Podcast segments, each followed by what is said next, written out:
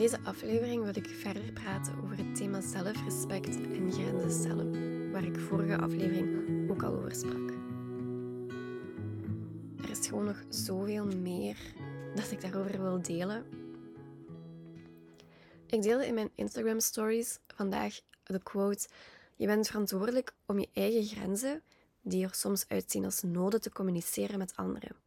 Als je ze niet uitspreekt, hoe weet iemand anders dan waar je grenzen liggen? En ik deelde die naar aanleiding van de vorige aflevering dus, omdat ik daarmee wil aangeven van in zoiets simpel en iets wat zo vanzelfsprekend lijkt, zit voor mij al zoveel. Dan is het in de eerste plaats de verantwoordelijkheid nemen om grenzen te communiceren. Maar dan is het ook weten wat jouw grenzen zijn en wat jouw noden zijn. En daarnaar durven op zoek gaan. Dan gaat dat voor mij al over die kunnen overbrengen. En hoe communiceert je die naar iemand? Dan gaat dat loslaten dat er een verwachting is naar de andere persoon. Dat die eigenlijk je goed genoeg moet kennen om al te weten dat dat iets een grens is. Dan is dat ervan uitgaan dat een grens of een nood iets vaststaand is. Dat dat één keer zo is geweest dat het altijd zo gaat zijn. Terwijl dat misschien fluctueert, en dat je daar met je meegroeit, of dat dat afhankelijk is van zoveel meer context en situatie. En dan als vierde, als je al die dingen dan hebt gedaan, hoe gaat je er dan mee om als die grens alsnog overschreden wordt? Dus laten we daar gewoon eens even dieper op ingaan. Die verantwoordelijkheid nemen over je eigen grenzen is voor mij echt huge. En ik dacht dat ik dat al heel veel deed. Ik denk dat ik daar ook nog veel verder in kan gaan. Want ik kom gewoon steeds opnieuw tegen de laatste maanden. En dat is echt een rode draad door mijn leven die afgelopen tijd. Dat ik daar eigenlijk helemaal niet zo goed in ben. In weten wat mijn grenzen zijn, in weten wat mijn noden zijn. En daar naartoe durven gaan. Daar zit ook veel angst op, voel ik nog. En dat is ook super boeiend, hè? Dat is ook weer allemaal zo restanten van dat nice girl patroon, wat ik per se in stand wil houden. Want als je heel flexibel en meegaand bent en volgzaam bent in wat de ander nodig heeft, ja, dan leert je of verleert je waar je eigen grenzen en noden zitten. En ben ik beginnen beseffen dat er heel veel situaties zijn geweest al waarbij ik ja, niet nadacht over wat mijn grenzen of mijn noden waren in een bepaalde situatie. En dat ik er pas veel vaak te laat achter kwam dat er een grens al overschreden was. En dat ik dan pas besefte, oh, misschien is deze toch niet zo super kosher. Dus die verantwoordelijkheid nemen, daar gaan we het straks echt nog dieper over hebben. Weten waar uw grens ligt, ja, dat hoort er dan natuurlijk mee samen. Maar ik wil het eerst even hebben over die grens overbrengen en de verwachting dat iemand anders zou moeten weten waar uw grens ligt. Heel boeiend in wat ik tegenkwam met Rafał uh, eergisteren in onze situatie was dat ik um, eigenlijk niet zoveel moeite heb met een grens aangeven, verbaal. Dat kan ook natuurlijk lichamelijk en zo zijn, hè? maar in mijn geval is dat, is dat meestal verbaal. Ik zeg, ik spreek uit wat ik wil en wat ik niet wil. En dat ik dan een bevestiging vraag van de andere kant. Van, heb je mijn grens gehoord? En als iemand ja zegt, dan gaat hij daarmee akkoord en stemt hij daarmee in. En dat is dan voor mij zo'n soort contractje wat ze met elkaar afspreken. Hè? Er is een understanding. Er is een deal. De deal is gesealed met u ja op mijn vraag. Heb je de grens gehoord? Heb je me gehoord? Maar dat is blijkbaar anders voor. Um, want, wat gebeurde er? Ik ga misschien even de context nog een keer schetsen. Moest je de vorige aflevering niet gehoord hebben of het zit ver weg. Ik had een ritueel gedaan waarbij ik kristallen en schelpen had uitgestald. En ik had bepaalde intenties aan die cirkel gecreëerd. En voor mij was dat heel belangrijk. Het was een ritueel en wou ik daar de volgende ochtend mee verder kunnen gaan. En was het belangrijk dat die cirkel onverstoord bleef tijdens de nacht. Dus ik zeg tegen Rafael, ik ga nu slapen. Laat alsjeblieft mijn cirkel met rust, blijf daar vanaf. Zonder dat ik daar veel van denk, ervan uitgaan dat dat genoeg is, dat ik dat communiceer.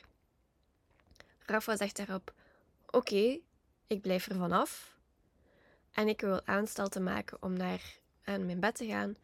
En wat doet Rafa? Die reikt naar die schelp die in het midden van mijn cirkel ligt en die pakt die op. Ik zeg een paar keer nee, nee. Allee, wat doet jij nu? En hij blijft gewoon verder gaan en hij zet die schelp aan zijn oor en hij luistert naar die schelp om de zee te horen. En dat heeft echt een hele trigger sneeuwbalreactie gehad, die ervoor zorgde dat onze patronen ineens weer super duidelijk op tafel lagen. Maar waar ik heel trots op ben, is dat ik deze keer anders met het patroon ben omgegaan. Dus om daarop in te zoomen. Ik geef aan dat ik een nood heb. Blijf van mijn schelpen af. Rafa geeft mij verbale bevestiging dat hij mij gehoord heeft daarin. Zegt: Oké, ik blijf daar vanaf. Ik ga daarin vertrouwen naar hem: van oké, er gaat niks gebeuren met mijn schelpencirkel. Ik kan die achterlaten bij hem. Rafa gaat daarover, want die pakt die schelp. Dus hij breekt zijn belofte naar mij. En dat thema van geen vertrouwen hebben in het feit dat hij mijn grenzen respecteert, waardoor ik me uiteindelijk onveilig voel bij hem. En wat zich bijvoorbeeld ook vertaalt in het feit dat ik het moeilijk vind om intiem met hem te zijn of seksueel contact met hem te hebben, omdat ik daar ook het gevoel heb dat hij bepaalde grenzen niet respecteert of telkens opnieuw overschrijdt. Is echt een heel groot thema voor ons, wat echt al super lang aansleept en wat zeker aan de basis ligt van onze breuk.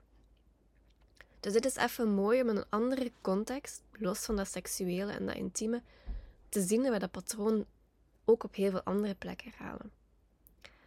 En het is boeiend, vind ik, omdat ik heel, heel, heel lang die verantwoordelijkheid bij hem heb gelegd. Omdat ik vind dat hij een fout maakt, omdat hij mijn grens niet respecteert. En daar wil ik nu op inzoomen. Want er zit heel veel. Er is een stukje waar ik mijn eigen verantwoordelijkheid daarmee opzij leg. Er is een stuk van mij dat vindt dat hij ook effectief iets fout heeft gedaan en dat daar consequenties aan zitten aan zijn eigen handelen, aan zijn eigen gedrag, aan zijn eigen keuzes. Het is interessant om te gaan kijken naar de dynamiek die we hebben en waarom dat, dat zich zo iedere keer herhaalt. Dus ja, let's unpack, shall we? Wat er bij mij gebeurt in dat patroon, dus ik stel een grens, ik geef die één keer aan, de andere zegt ja en die gaat er toch over, is dat ik heel rap mijn eigen grenzen in twijfel trek. En waarom trek ik die in twijfel? Omdat ik de ander zie. Soms denk ik dat ik te empathisch ben of dat ik te hard ergens geleerd heb in vroegere patronen om de ander zijn kant zo hard te zien dat ik daarbij mezelf vergeet en dat ik de ander voor mij zet.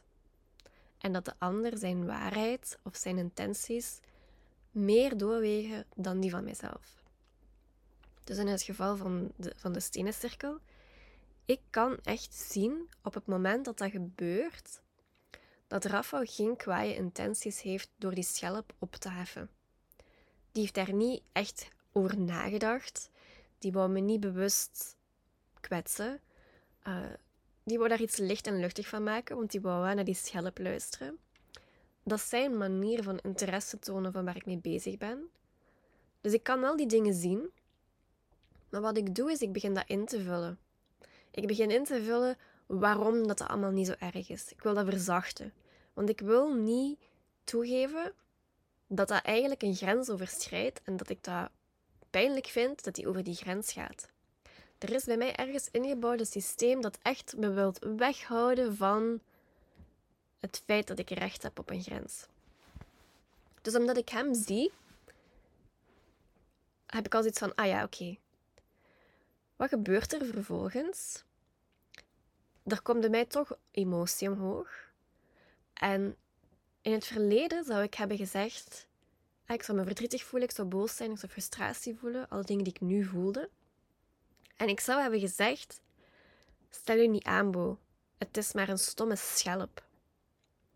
En ik zou dus de situatie gekleineerd hebben. En dat is zo'n groot ding, hè? want ik zeg altijd, er zijn twee dingen die ik iemand anders niet vergeef. Dat is tegen me liegen en dat is me publiekelijk kleineren of, of beschamen. En wat ik daarin doe, is gewoon exact dat. Ik lieg tegen mezelf. Och, het is niet zo erg. En I shame myself, want ik zeg, het is maar een stomme schelp. En wauw, wauw, wauw. Als ik zeg dat dat keihard binnenkomt.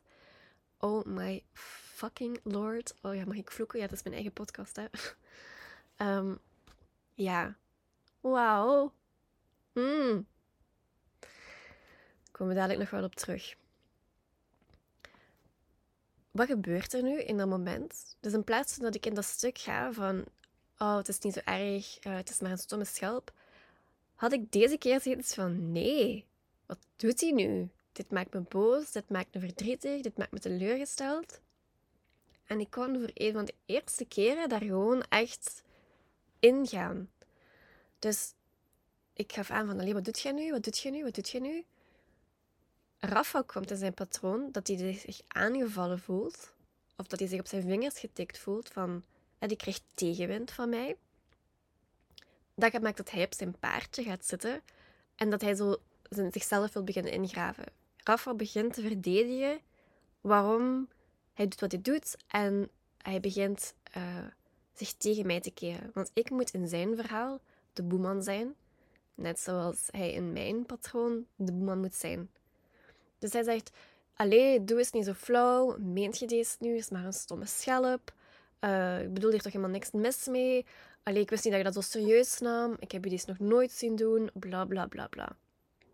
Dus hij begint in die verwering te komen. Maar dat triggert, hè. We zijn, dus ik zie het, we zijn echt elkaar aan het triggeren. Hè. We komen die sneeuwbal. Hè.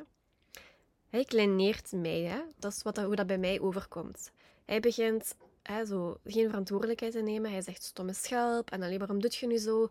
Wees losser. Bla bla bla bla. Allemaal dingen die ik al heel mijn leven hoor in zo van die gelijkaardige situaties. Hè? Dus ik ga echt terug in zo die dingen herbeleven. En normaal zou daar, als ik daar al zou komen in een ander geval, wat eigenlijk al iets is, zou ik daar beginnen afhaken. Want ik zou tegenwicht krijgen, ik zou me klein voelen, ik zou me belachelijk voelen, ik zou weer in die onderhandeling komen en ik zou dat verdriet beginnen opkroppen. Heel hard opkroppen. Want ik zou me laten overtuigen door de ander dat ik geen recht heb op dat verdriet. En dat is zo boeiend hè, dat ik zeg, ik zal me laten overtuigen door de ander, want ook daar neem ik weer geen verantwoordelijkheid.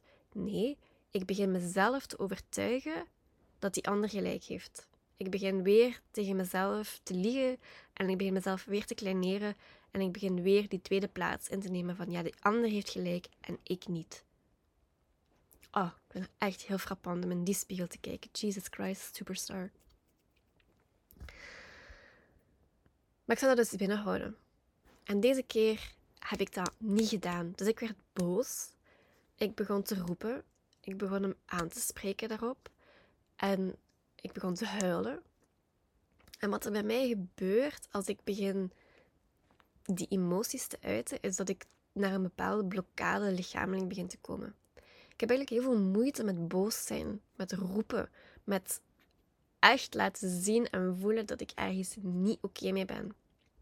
Dus ik vind het heel moeilijk om mijn grens te beschermen, te bewaken. Ik vind heel vaak ergens onbewust dat ik daar geen recht op heb, op die grens beschermen. Wat boeiend is, hè?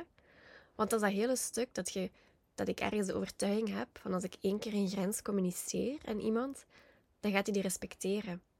Maar van zodra ik in het stuk kom dat ik echt een grens of een lijn in het zand moet trekken en moet vechten voor mijn plekje, dan kom ik heel, heel, heel diep in die pijn. Dus dat zit echt een lage. Dus dan ben ik aan het vechten. En normaal zou ik vechten tegen iemand. Ik zou me tegen Rafael keren en ik zou hem beginnen aanvallen. jij doet mij pijn, dus ik doe u ook pijn. En dat is een patroon wat ik ook herken wat ik heb. Ik vecht met dolken. Maar deze keer voelde ik van nee, ik wil niet in dat patroon komen. Ik wil niet op u shitten.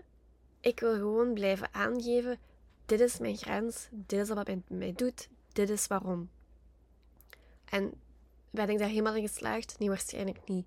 Ik ben zeker dat ik er dingen heb uitgeflapt die verwijtend waren naar hem toe. Maar ik heb wel echt geprobeerd om het bij mij te houden. En aan te geven, nee, dit is wat er gebeurt. Begrijp je waarom dat gebeurt? En het zo terug te trekken van, kunt jij ook mijn kant zien, los van die van u? Ja. Wauw. En dat heeft heel lang geduurd. Hè? Dat is echt een heen en weer geduw en getrek geweest. Van ik die mijn zegje wou doen, hij die zijn zegje wou doen. En wat we dan tegenkwamen was zo het stuk um, dat Rafael heel vaak zei: Ja, ik begrijp u, maar. En dat was echt zo olie op mijn vuur. Hè. Daar werd ik iedere keer opnieuw furieus over, omdat dat voor mij totaal onrespectvol aanvoelde dat er altijd die maar kwam. Dat is net zoals zeggen: Ik wil niet racistisch zijn, maar. En dan een racistische uitspraak doen dan is die eerste uitspraak empty and void als je in één adem toch beslist om iets anders te gaan doen dan wat je zegt. En daar heb ik heel veel moeite mee, met dat stuk dat iemand op zijn woord terugkomt. Maar dat heb ik ook zelf aan te kijken, hè? want dat betekent dat ik dat waarschijnlijk ergens ook doe. Hè? En ik doe dat, want ik geef een grens aan en vervolgens laat ik gewoon iemand over die grens walzen. En het besef dat dan kwam is: het is erg dat iemand anders een grens overschrijdt. Het is voor mij tien keer erger dat ik mijn eigen grens niet respecteer. Dat ik die laat overschrijden. Ik had ook een sessie met Leen een tijdje terug en daar kwam ook zo heel hard. Uh, Leen is mijn, mijn sensualiteitscoach trouwens. En daar kwam heel hard naar voren dat ik ehm, zei van ja, ik heb heel veel moeite hè, in mijn seksualiteit om dat te tonen. Ik vind opwinding heel erg moeilijk om in te gaan. Ik vind lust en, geilheid en al die dingen heel moeilijk. En ik heb ook gewoon heel weinig lichamelijke respons op al die dingen. We waren daarover aan het praten.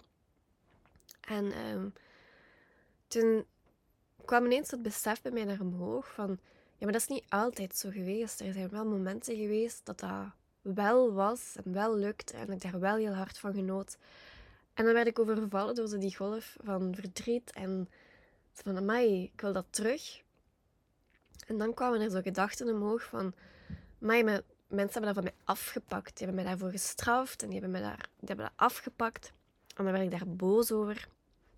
En dat voelt dan heel rap als onredelijk boos worden over iets.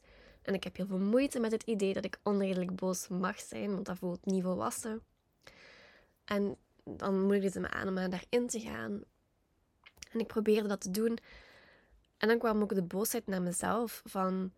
Ja, zeg, godverdomme, ik heb... Allee, ik zeg wel, ik heb iemand die me iets afpakken. Iemand heeft me iets afgepakt, maar ik heb het potverdorie zelf afgegeven. En dan heb ik zitten met het gevoel van, mag ik boos zijn op mezelf? Want er wordt altijd gezegd, met liefde naar jezelf kijken, met zachtheid. Hè? Dingen die ik ook tegen mijn eigen klanten zeg. Hè?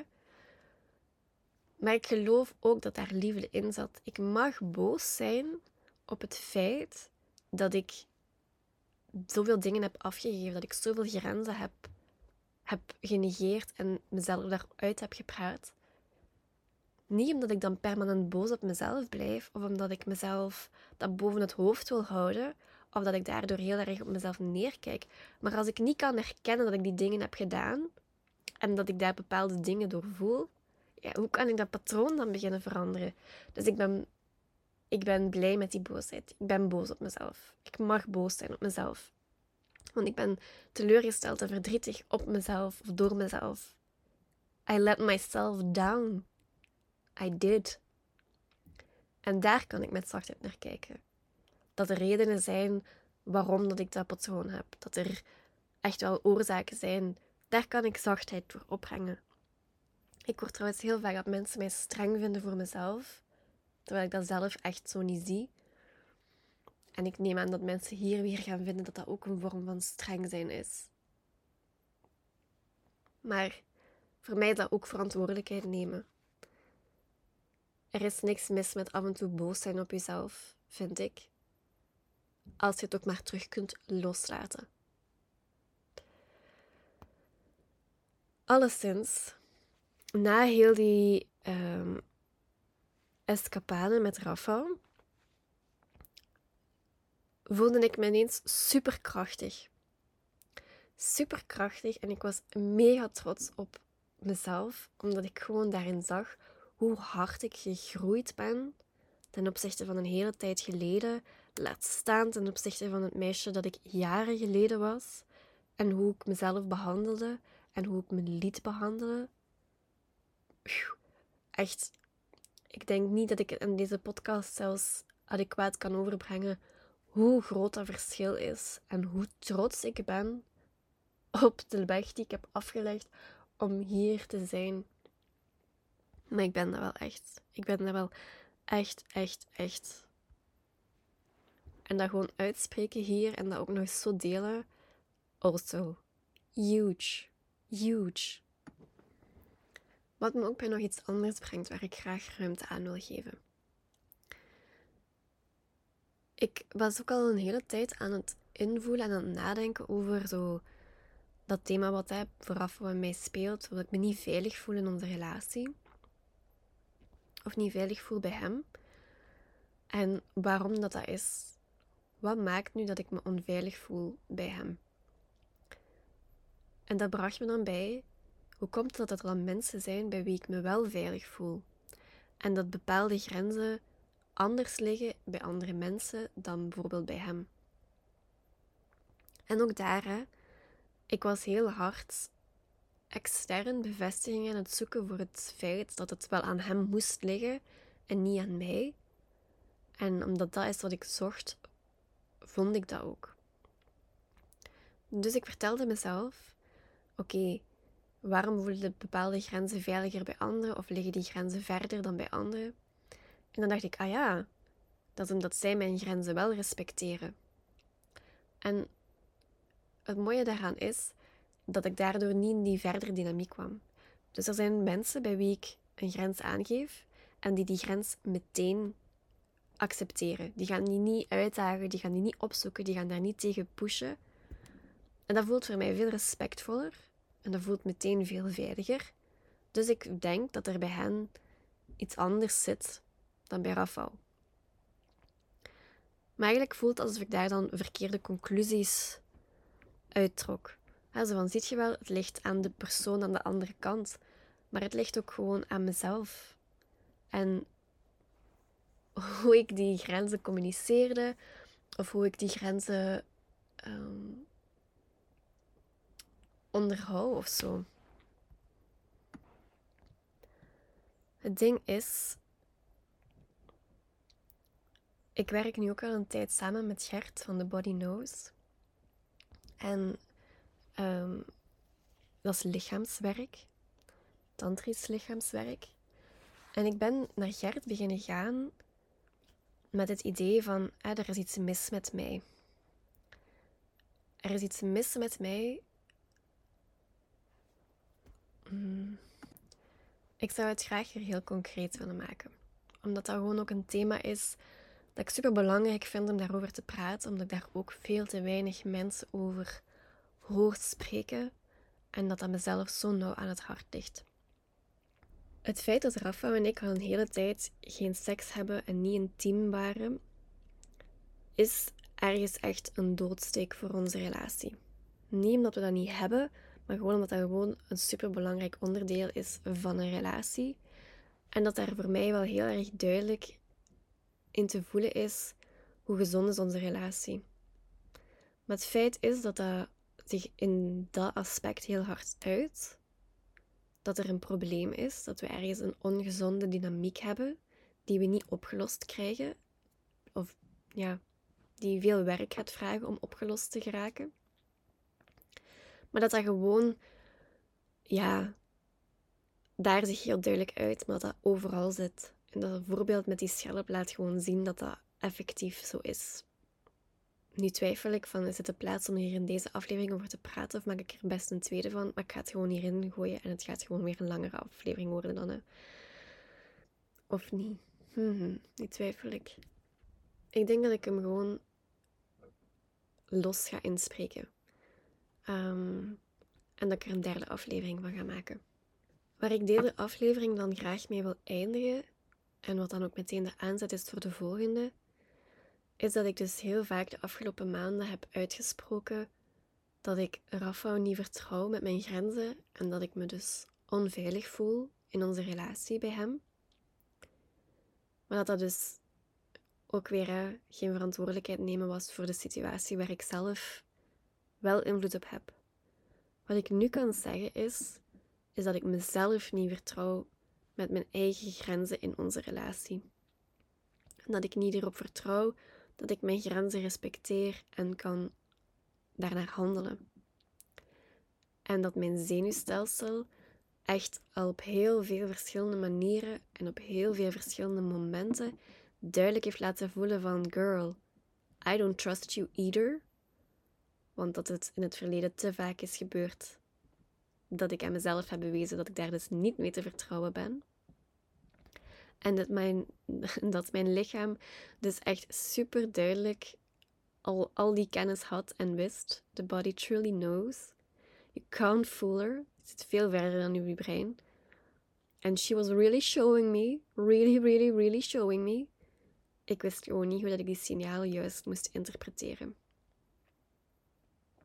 Dus ja, heel confronterend die spiegel om in te kijken. En ik ben heel blij dat die situatie zich heeft voorgedaan. Ik ben heel blij met hoe ik ermee ben omgegaan. Ik kan er in alle eerlijkheid in toevoegen van oké, ik heb waarschijnlijk vanuit oude pijn gereageerd. Ik heb een heel erg uitvergroot emotionele reactie gehad over die schelp.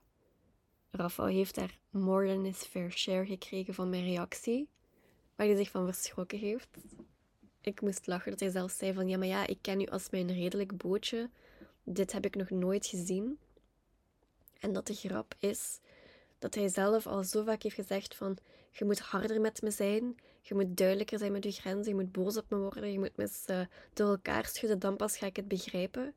En dat ik daar altijd van dacht, ja, wat zegt hij nu eigenlijk tegen mij? Maar dat er zo duidelijk aangaf wat hij eigenlijk voor mij nodig heeft in onze dynamiek. En dat ik daar ook geen gehoor aan gaf. Omdat ik dacht dat hij zoals mij zou zijn. En dat is gewoon zachtheid en gewoon helder communiceren genoeg zou zijn. Ja. Echt, echt heel boeiend. Ik ben nog altijd niet overtuigd dat uit elkaar gaan de beste optie is. Omdat ik echt geloof, zoals Esther Perel ook zegt, dat je maar kunt groeien als koppel of als persoon in een relatie, omdat je maar groeit in relatie tot elkaar. Maar ja, dat wil natuurlijk niet zeggen dat ik niet alleen aan mijn stuk ook verder kan gaan werken. Anyways, ik rond deze aflevering af en ik start meteen een volgende over um, het stuk intimiteit en hoe dat daar hierbij aansluit. Dank alweer om te luisteren. En zoals altijd, ik ben echt heel blij als iemand mij een berichtje stuurt na het luisteren van de podcastaflevering en dat we daar een gesprekje over hebben. Want echt, dat voedt mij zo hard om te horen dat bepaalde stukken herkenbaar zijn en, en daar dieper mee te kunnen gaan. Want dat dat verrijkt mijn ervaring ook weer, dat verrijkt mijn lessen. En we kunnen zoveel van elkaar leren door gewoon te luisteren en te delen. Dus ik ga dat blijven zeggen, ik ga dat blijven aanmoedigen. Stuur mij en laten we er een gesprek over aangaan. Het is allemaal welkom, het is allemaal veilig. Ik wil het echt super, super graag horen. Dikke kus.